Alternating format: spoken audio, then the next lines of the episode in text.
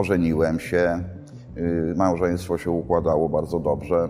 Mieszkaliśmy w dużym mieszkaniu na Saskiej Kępie z moją mamą i wydawało się, że wszystko jest przede mną, że wszystko się otwiera, wszystko będzie pięknie. Znalazłem się w 96 roku nagle na ulicy z jedną torbą na ramieniu i obcy świat, no co tu zrobić? Pokazali mi po prostu, że w podziemiach dworca można sobie kartony położyć, przespać się, no ale to było koszmarne wrażenie. Wchodziłem do autobusu, no to się nagle koło mnie robiło pusto. Ja czułem, że śmierdzę, że jestem brudny, ale musiałem dojechać gdzieś, żeby zjeść talerz zupy.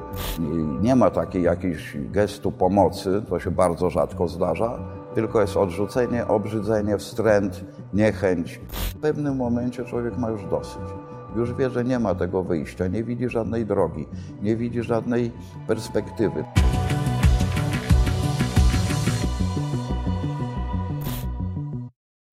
Od ponad 20 lat jesteś osobą bezdomną. Mm.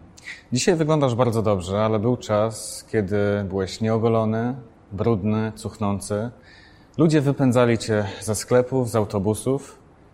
Co czuje i o czym myśli człowiek, który słyszy od innych ludzi idź stąd? No jest to niesamowicie przykre uczucie. Rzeczywiście przeżyłem to wiele razy y, w trakcie ciągu alkoholowego, kiedy, kiedy mieszkałem praktycznie na ulicy, spałem gdzieś w krzakach, czy na ławkach, czy na klatkach schodowych, czy w piwnicach. Po prostu krzątanie się za żebranie, szczerze powiedzieć, można na, na pieniądze, na alkohol zajmowało tyle czasu, że nie byłem w stanie gdzieś pojechać, przebrać się, umyć, wykąpać, ogolić no i reakcja była taka typowa, że jeżeli wchodziłem do autobusu, no to się nagle koło mnie robiło pusto. Ja czułem, że śmierdzę, że jestem brudny, ale musiałem dojechać gdzieś, żeby zjeść talerz zupy, czy nawet zmienić ubranie. Musiałem te wejść do tego autobusu, nie byłem w stanie przejść pół miasta pieszo. Tak samo wchodziłem na przykład do sklepów, no to natychmiast było spojrzenie y, sprzedawcy czy ochroniarzy, czy ja czegoś nie ukradnę czy, czy, czy ja czegoś nie, nie zwalę, co ja tam w ogóle robię. Wchodzenie na y, teren galerii handlowych, no to człowiek się czuje natychmiast intruzem, takim, dla którego wszyscy się patrzą i chcą go się stamtąd pozbyć, chcą go wyrzucić.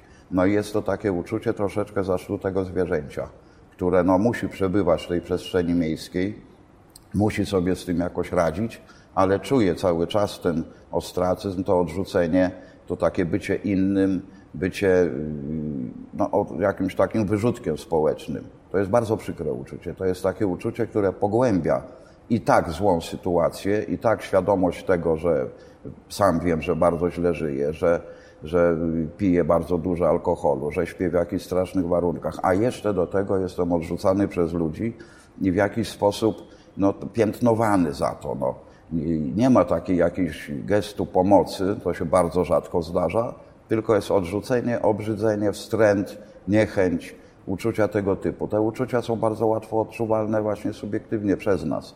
My czujemy, że jesteśmy nielubiani, odrzuceni, że, że nikt nie chce z nami przebywać, nikt nie chce stanąć blisko nawet. Często jest taka sytuacja, że jak się żebrze o pieniądze, w takim stanie właśnie brudny, śmierdzący, podpity, to ktoś daje te pieniądze tylko po to, żeby mieć święty spokój, żeby go już nie zaczepiać, żeby nie podchodzić i żeby się oddalić od tej osoby. Ludzie chętnie pomagają? Jakie pieniądze udawało Ci się zebrać w ciągu dnia? No więc to jest niesamowicie zróżnicowane i żebrząc, no to zależy od podejścia. Zależy jak ta osoba bezdomna żebrze, jak to robi, jak, jakie ma podejście, czy, czy mniej więcej podchodzi do wszystkich, czy, czy wybiera jakoś te osoby. No ale najczęściej dostaje się między 2 a 5 zł, czasami 10. Mnie się zdarzyło parę razy dostać więcej. Raz mi się zdarzyło nawet 200 zł dostać. No ale to przeważnie w okresie przedświątecznym, w jakichś takich y, terminach, kiedy przed Wielkanocą, przed Bożym Narodzeniem ludzie dają chętniej pieniądze. Ale mm, no, w każdym razie tyle, ile zbierałem, to mi wystarczało na to, żeby co, przez cały dzień pić alkohol, jeszcze mieć na noc, jeszcze mieć na rano parę złotych i no jest to takie dosyć y, deprymujące, dlatego że y, w ten sposób ludzie niektórzy chcą kupić coś do jedzenia. No wiadomo, że osoba bezdomna wtedy raczej jest zawiedziona, bo, bo, bo wolałaby mieć pieniądze, bo one głównie idą na alkohol. Często się zdarza, że no ktoś potrzebuje na coś rzeczywiście, ale wtedy bardziej chętnie zwraca się do organizacji pomocowych. A ja miałem tak to zaplanowane, że wszystkie pieniądze, które wyżebrałem, to były na alkohol, na tytoń, na papierosy, a mm, z kolei, jeżeli potrzebowałem coś do jedzenia, to szedłem do, pod sklep, pod Biedronkę czy pod Lidla i stawałem i prosiłem, żeby ktoś mi kupił coś do jedzenia. I, i wtedy już mm, przeważnie druga, trzecia, piąta osoba, którą poprosiłem, to się godziła i kupiła coś do jedzenia. Albo zdarzało się tak, że na przykład nie miała czasu na to i dawała mi pieniądze, żebym sam sobie kupił, więc ja zgodnie ze swoją zasadą pieniądze kłowałem do kieszeni i dałem, stałem, czekałem, żeby ktoś mi kupił jedzenie. Myślę, że wiele osób ma taki dylemat, czy dawać pieniądze osobom bezdomnym. Bardzo jestem ciekaw, co, co ty sądzisz na ten temat. Czy to jest pomoc, czy niekoniecznie? Pogłębia to tą bezdomność, pogłębia możliwość dalszego picia, daje ten komfort picia. Te pieniądze są przeznaczane często właśnie na alkohol, a ten człowiek wtedy nie myśli o tym, żeby y, układać sobie jakoś życie, wyjść z tego kryzysu, wyjść z tej fazy ulicznej, poprosić o pomoc w schronisku, czy w noclegowni, czy w jakimś ośrodku pomocy społecznej, ale jednocześnie odczuwa ogromną przyjemność, że dostał te pieniądze, że, że może jakoś sobie dalej to żyć tak, jak chce żyć. No i druga rzecz, no nie ma czystego altruizmu, dając pieniądze, mamy też odczuwamy przyjemność, że komuś tam coś pomogliśmy, ale praktycznie z takiego punktu widzenia i terapeutycznego, i ogólnie przyjętego nie powinno się dawać pieniędzy, tylko powinno się podawać jak gdyby rękę czy, czy, czy wędkę, mówiąc, gdzie dana osoba może znaleźć pomoc, gdzie są noclegownie, gdzie są ośrodki całodobowe, gdzie są ośrodki dla osób chorych, gdzie są ośrodki dla kobiet, gdzie są jadłodajnie, gdzie można pójść się wykąpać, gdzie można zmienić odzież, do kogo w ogóle można się zgłosić, żeby zacząć wychodzić z kryzysu bezdomności. Bo nie ma co ukrywać. Dawanie pieniędzy pogłębia ten kryzys, przedłuża go. Wyobrażam sobie, że kiedy zbierałeś pieniądze na ulicy, dość często słyszałeś od ludzi, weź się człowieku za robotę. E, dlaczego się nie brałeś? Dlaczego to nie jest takie proste? No jest to niesamowicie trudne, chociaż znam jeden przypadek, kobiety zresztą, która poradziła z tym sobie, ale jest to przede wszystkim bardzo trudne z tego powodu, że tak, nie mam mieszkania, nie mam gdzie się umyć, nie mam y, bezpiecznego noclegu, czyli nigdy nie jestem w pełni wyspany.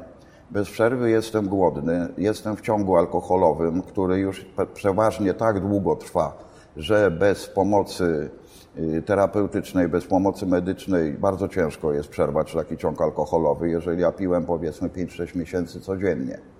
I, I, ja tylko myślałem, najwyższym priorytetem dla mnie było napicie się alkoholu. Więc y, wtedy, jak ja słyszę, że ja mam iść do pracy, no to to jest dla mnie abstrakcja, w ogóle niewyobrażalne. Jak ja pójdę do pracodawcy w takim ubraniu, w jakim jestem, śmierdzący, nieogolony i bez przerwy na przykład trzęsący się, nawet jeżeli uda mi się wyzerować z tego alkoholu. To będę się trząsł, będę w potwornym, źle złym nastroju, bardzo niskim poczuciu własnej wartości. W ogóle takie przekonanie, że jak ktoś mnie zobaczy, pracodawca jakikolwiek, to mnie natychmiast wygoni. W ogóle po co mu ktoś taki niepotrzebny przecież. Także to jest takie poczucie, jak gdyby ktoś mówił, że no, niech pan sobie leci na przykład na Hawaje, tam będzie ciepło i tam sobie pan mu będzie spokojnie mieszkać. Więc to jest abstrakcja dla osoby mhm. bezdomnej w takim stanie. Więc y, takie proponowanie idź do pracy to jest takie na odczepne po prostu, to jest nierealne zupełnie. Jak to się w ogóle stało, że ty wylądowałeś na ulicy? Masz wyższe wykształcenie, miałeś dobrą pracę, żonę, przyjaciół. Co się stało? No tak właśnie by się wydawało, że, że wszystko przez pierwsze moje 38 lat życia, że, że nigdy mnie coś takiego nie spotka, że, że to, to dla mnie było abstrakcją absolutną, w ogóle sobie nie wyobrażałem, nawet nie myślałem o czymś takim. Ale po prostu powoli, ja byłem, jestem antropologiem kultury z wykształcenia i po studiach bardzo łatwo znalazłem pracę w Centralnym Związku Cepeli, a szybko awansowałem na głównego specjalistę. Nawet przez pewien czas byłem rzecznikiem prasowym Centralnego Związku. Później ożeniłem się, y, małżeństwo się układało bardzo dobrze. Y, mieszkaliśmy w dużym mieszkaniu na Saskiej Kępie z moją mamą. I wydawało się, że wszystko jest przede mną, że wszystko się otwiera, wszystko będzie pięknie i takie, takie stabilne życie, dorabianie się, no jak to jeszcze były czasy PRL-u. No przyszła transformacja, kiedy właśnie zlikwidowano centralne związki, więc takiej dynamicznej pracy, aktywnej pracy z ludźmi, no też dość szybko znalazłem pracę w Muzeum Narodowym i pracowałem jako kustosz w ośrodku wzornictwa nowoczesnego w Łazienkach, ale tam już miałem swój gabinet osobno, to już praca muzealna, zupełnie inny charakter i równocześnie w życiu prywatnym mi się zaczęło wszystko po kolei walić. Zaczęło się no tak niby przypadkowo, miałem psa owczarka niemieckiego przez 17 lat, który zmarł z wieku już. Później coś się zaczęło w związku małżeńskim dziać. W końcu się dowiedziałem, że żona chce rozwodu, bo kogoś poznała, że, że mnie opuszcza. I dosłownie tak się ułożyło, że dwa tygodnie później, no, po wyprowadzce żony, no całe te przejścia, trauma rozwodu, to wszystko, takie poczucie odrzucenia, klęski jakieś, to wszystko narastało. I dwa tygodnie po, po wyprowadzeniu się żony zmarła moja mama gwałtownie. Więc nagle zostałem sam dość dużym mieszkaniu przy rondzie Waszyngtona. No, praca w tym muzeum, gdzie, gdzie sam w gabinecie, wracałem do pustego mieszkania. Mi tuż obok, bo to przy samym rondzie Waszyngtona, tam wyrósł mi jarmark Europa w tamtym okresie, to był 92 rok. No nie miałem co ze sobą zrobić. Nie mogłem, nie, nie chciało mi się już ani pisać, ani żyć. W ogóle wszystko zaczęło tracić sens. Zacząłeś pić. Zacząłem wtedy pić coraz więcej. Nie spałem całe noce, błąkałem się po tym stadionie, piłem. Później, no niby nie zaczęły się kłopoty w pracy, ale praca mi zaczęła przeszkadzać w piciu po jakichś dwóch latach. I w 93 roku doszedłem do wniosku, że po co ja mam pracować na etacie, ja się utrzymam, bo pisywałem dużo do pracy papierowej, artykułów czy felietonów na tematy etnograficzne. Ja miałem z tego praktycznie drugą wypłatę. Co myślę, a po co ja będę do tej pracy chodził, ja się utrzymam z tego pisania. No i tak to wyglądało, że mało, że się nie utrzymałem z pisania, to piłem coraz więcej. Musiałem sprzedać mieszkanie, sobie oczywiście już myśląc, takim, takim trybem uzależnienia od alkoholu. Kiedy Jak to tłumaczyłeś? Czemu sprzedałeś mieszkanie? A po co mi takie duże mieszkanie? 80 metrów, na co mi to? Nawet nie mam czasu tego posprzątać. Mieszkam w jednym pokoju, a no to, to w ogóle mi niepotrzebne. To ja sobie sprzedam to mieszkanie i, i za pieniądze, które dostanę, to ja sobie wynajmę i będę mógł spokojnie egzystować przez ileś czasu i, i sobie ułożyć życie od nowa i, i jakoś inaczej, prawda? A w rzeczywistości będę miał pieniądze na tak, alkohol? Tak, no będę miał pieniądze na alkohol. Niestety w myśleniu takim uzależnionym od y, alkoholu, to alkohol jest y, rządzącym, jest priorytetem, jest najważniejszy. Cokolwiek by się wymyślało, jakiekolwiek motywacje, to są tylko takie, żeby się podbudować osobiście. Nie, ja jeszcze nie tego, nie tamtego zrobię, to zrobię tamto, ale to jest takie marzeniowe planowanie. Z tego później nic nie wychodzi i pieniądze się traci błyskawicznie na alkohol i mając te pieniądze natychmiast są koledzy, są takie zwane, jak to można powiedzieć, koszty okołoalkoholowe. Mam dużo pieniędzy, aha, to mogę sobie w restauracji popić, a to mogę sobie taksówką pojechać, a to mogę koledze pożyczyć na dwa tysiące, co to dla mnie. Po trzech latach zostałem nagle w wynajętym mieszkaniu w takiej sytuacji, że nie miałem czym zapłacić za następny miesiąc.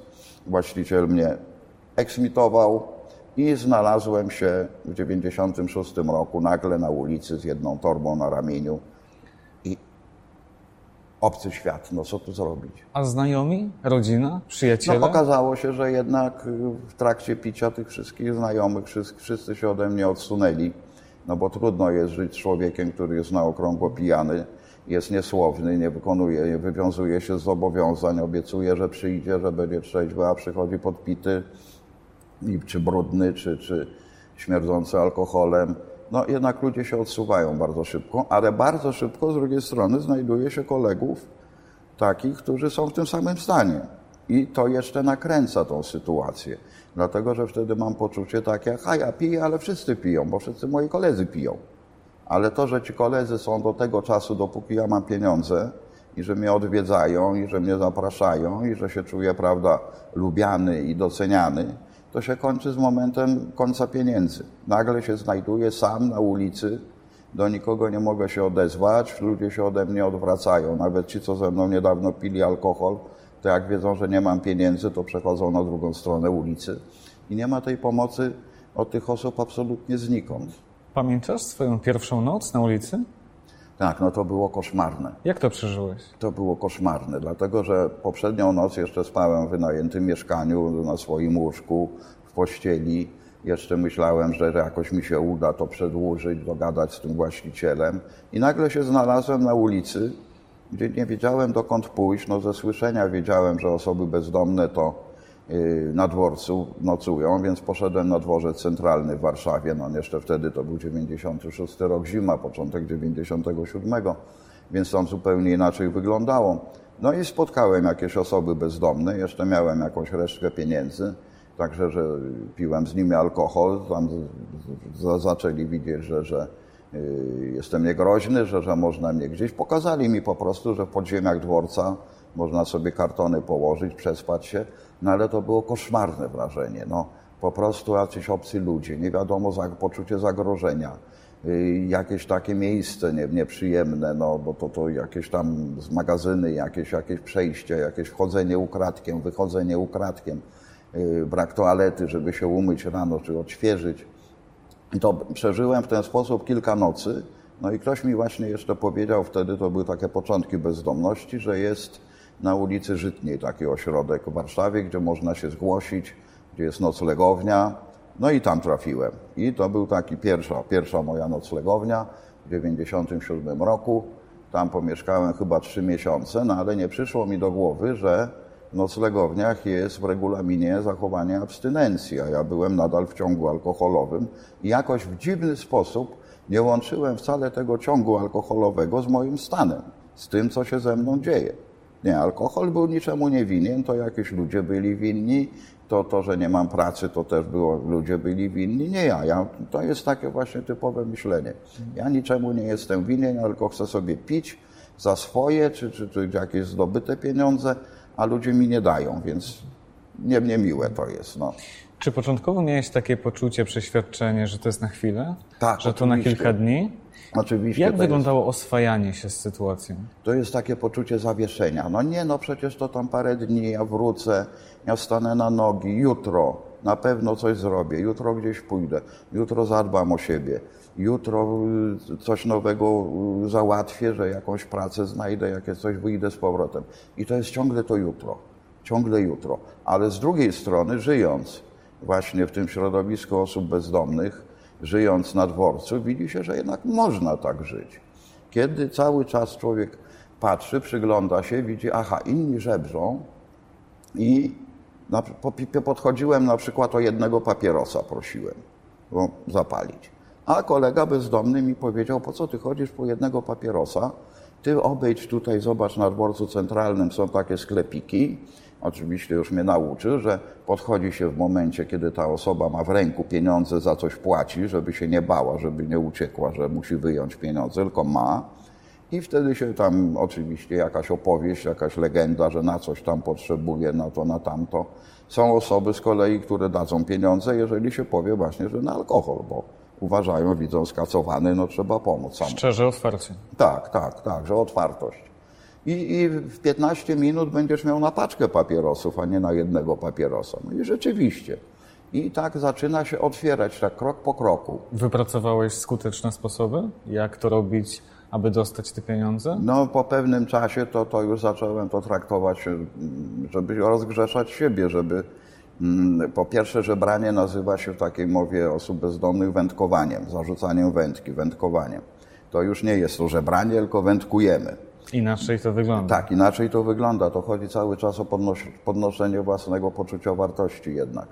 Później zacząłem to traktować y, jako scenki aktorskie, które muszę odegrać. Najpierw przygotowanie, czyli ocena danej osoby, mniej więcej co mam powiedzieć, co na tą osobę może zadziałać. Po kilkunastu razach już zaczyna się mieć jakąś wprawę w taką, że pewne osoby posiadają jakieś cechy charakterystyczne. Nie wiem, czy to jest przez analogię, czy rzeczywiście na tej zasadzie, że to, że to działa. Że podobna osoba mi dała, więc ta podobna osoba też mi da. I to, to się sprawdza. A jakiś przykład? No prosta rzecz taka jest, że na przykład młodzi ludzie z brodami w sportowych ubraniach, yy, tak, tak dość no, w stylu hipstera, bardzo chętnie dają. Rzeczywiście wykazują taką empatię, dają, proszę zaczekać, tego nie mam, ja rozmienię, dam panu mniej, tam coś tego. Rzeczywiście dają. Często dają osoby, yy, młode dziewczyny które no, ufne są i, i, osoby bezdomne to wykorzystują, że opowiadają historyjki, że są głodni, że tam na coś potrzebują, że gdzieś tam na bilet, na... No te historyjki są absolutnie różne, każda osoba bezdomna ma jakiś swój styl, który wymyśla. Masz może w pamięci człowieka, który pomógł Ci w największym stopniu? Tak, tak, tak. No jest taka osoba, właśnie to ostatnio najbardziej pamiętam, z tych, tych 8 miesięcy, które spędziłem na ulicy w takim ciągu alkoholowym. To był taki właśnie pan, który praktycznie codziennie mi przywoził pieniądze, równocześnie zapraszał mnie na jakiś y, posiłek do, do, do kebaba czy, czy do chińskiej restauracji.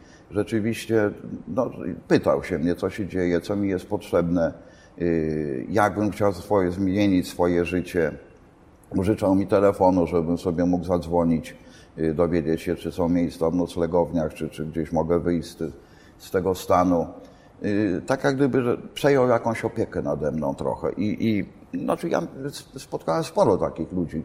No, no, ten pan mi najbardziej, no on był właśnie taki charakterystyczny, że ubrany zawsze młody, mniej więcej około 30 lat, w skórzanym ubraniu, w skórzanej kurtce z, z takimi metalowymi napinkami, długie włosy w kucyk. On w ogóle sam podchodził do mnie, sam, sam, sam jakoś się interesował moim losem i to było bardzo fajne, bo on mnie nie, nie strafował. On mi nie dawał właśnie jakichś takich nieosiągalnych propozycji, że a idź tam, a zrób to, a zrób tamto. On się mnie pytał, czego potrzebuje. Co, co ja bym chciał? No oczywiście ja mu szczerze mówiłem, że potrzebuję na alkohol. No dobrze, no to masz tutaj, nie wiem, 20 zł ci wystarczy na tam na jakiś czas. Ja mówię, no tak, oczywiście, ale chodź, bo ja ci jeszcze tu chcę kupić jakieś, żebyś nie pił samego, to ja ci tu kupię kebaba, żebyś miał na zakąskę, jakiś napój ci kupię, jakieś coś. I to się zdarzało tak co drugi, co trzeci dzień rzeczywiście. I, i to, to właśnie najbardziej zapamiętałem, ale była duża, duża grupa osób. Sporo było takich osób bardzo młodych, które w jakiś sposób mi pomagały. Na przykład y, to było w zimie i, i poprosiłem na przystanku dziewczynę młodą, około 30 lat, żeby y, no, o jakieś pieniądze drobne. I ona jak mnie zobaczyła, to mało, że no, dała mi te drobne pieniądze, to jeszcze zdjęła szalik, zdjęła rękawiczki, dała mi, żebym, bo ja nie miałem, żebym, żebym się opatulił i zostawiła mi numer telefonu do siebie. No ja miałem wówczas telefon jakiś, także też jej dałem, wymieniliśmy się tymi telefonami. Później jeszcze ze dwa czy trzy razy ją spotkałem, też mi dała jakieś drobne pieniądze, przywiozła mi jakieś jedzenie i później akurat Wielkanoc się zbliżała i dostałem od niej SMS-a, że ona mnie zaprasza do siebie do domu na Wielkanoc. I żebym przyjechał, podała mi adres, żebym przyjechał wcześniej. Poszedłeś? Tak, tak. Tak, no byłem w takim cugu alkoholowym, że niestety nie mogłem pójść, nie wypiwszy trochę, ale wypiłem tak niewielką ilość. Pojechałem do niej, ona pozwoliła mi się wykąpać, miała przygotowana dla mnie ubrania, żebym mógł się przebrać. No i tam była grupa kilku osób, jej znajomych i bardzo przyjemnie spędziliśmy Wielkanoc. W ogóle ona nie uprzedziła tych osób, że ja jestem bezdomny, że jak ja byłem już wykąpany, ogolony, wszystko, że znajomy, prawda, także poczułem się, nie czułem jakiegoś takiego Y, zainteresowania, że nie, to, to jest mój znajomy skądś tam i właśnie tu jest u mnie na Wielkanoc i nie było słowa o tej bezdomności, także bardzo przyjemne takie uczucie. Dobrze wiedzieć, że są jeszcze tak wspaniali są, ludzie. Są, są, są. Y, twoje doświadczenie bezdomności jest bardzo bogate. Ponad 20 lat, zaliczyłeś wiele ośrodków, pensjonatów. Mhm. Pamiętasz moment, kiedy, kiedy miałeś najgorszy czas? Tak, najgorszy czas to był taki, jak trafiłem do ośrodka dla osób bezdomnych Markotów sobie woli. To było coś koszmarnego, to jest w Puszczy Kampinoskiej. mała wioska i to mieściło się w nieczynnym już PGR-ze hodowlanym, gdzie prawie 300 osób mieszkało w takiej hali, gdzie przedtem krowy stały. To było podzielone jakimiś łóżkami piętrowymi, jakimiś kocami pozawieszanymi. Było koszmarnie zimno. Jeden prysznic przypadał, nie wiem, chyba na 100 osób, więc dostanie się tam to było koszmarne.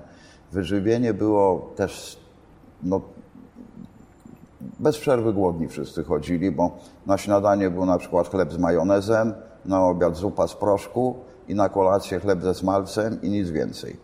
No i cały czas jakaś zaganiano nas do pracy. To było prawie na zasadzie pracy niewolniczej, to był jeszcze koniec lat 90., także to było dość powszechnie praktykowane w organizacjach zajmujących się pomocą osobom bezdomnych.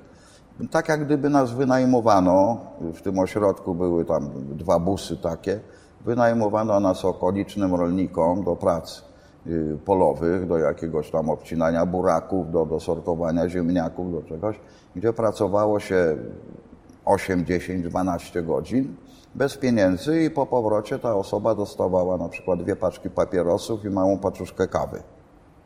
I, i, i nic więcej. I, I tak dzień za dniem, dzień za dniem, no ale niestety to była zima i w żadnych ośrodkach w Warszawie też było trudno by przeżyć, bo była dość mroźna zima, więc no, no, nie było wyjścia po prostu. Więc stamtąd uciekłem, tylko przy cieplej się zrobiło, no bo to był dosłownie obóz pracy którym y, osoby bezdomne były wykorzystywane niesamowicie. I również w tym y, no, osoby funkcyjne, czyli osoby bezdomne, które posiadały jakieś funkcje, niesamowicie wulgarny, brutalny sposób traktowały tych pozostałych. Że to, to był koszmar, to było chyba najgorsze. A w takim życiu ulicznym, no to najgorsze są jednak zimy. Wiadomo, że od, y, jak zaczynałem te pierwsze moje doświadczenia na ulicy, to jeszcze klatki schodowe nie były zamykane, nie było tyle domofonów, a teraz w ostatnim okresie, jakieś trzy lata temu właśnie, kiedy byłem na ulicy, no to już zauważyłem, że wszystko jest zamknięte, trudno jest wejść, więc zima spędzona w pustostanach, kiedy jest mróz, kiedy przynosi się butelkę jakiegoś napoju, rano się patrzy, że jest zamarznięty, że, że nie ma się czego napić, nie ma gdzie nawet rąk opłukać, bo wszystko zamknięte, no to jest takie jest niesamowicie traumatyczne przeżycie, że człowiek budzi się i widzi, że no jest ten koszmar, który, który się nie zmieni i nie ma perspektywy, ta bezsilność, taka bezradność, jak to dalej zmienić, a równocześnie w ciągu alkoholowym bez przerwy ta chęć napicia się alkoholu. Ja nie pójdę nigdzie, bo tam nie wolno pić alkoholu. No jak ja sobie dam radę? Przecież ja sobie tam nie poradzę. Mam paru kolegów, zresztą sam jestem po próbie samobójczej, więc, więc wiem, jak to wygląda, że w pewnym momencie człowiek ma już dosyć. Już wie, że nie ma tego wyjścia, nie widzi żadnej drogi, nie widzi żadnej perspektywy. No, pomoc, owszem, osoby jakieś pomagają, coś tam robią, ale samopoczucie jest takie, że no, ja, już, ja już chyba nie mam po co żyć, ja już z tego nie wyjdę, to życie już mi się nie ułoży. Kilka razy próbowałem, żeby mi się to ułożyło. No nie wyszło, nie udało się no to nie ma po co żyć. No i, i czy zamarzają, czy zapijają się na śmierć.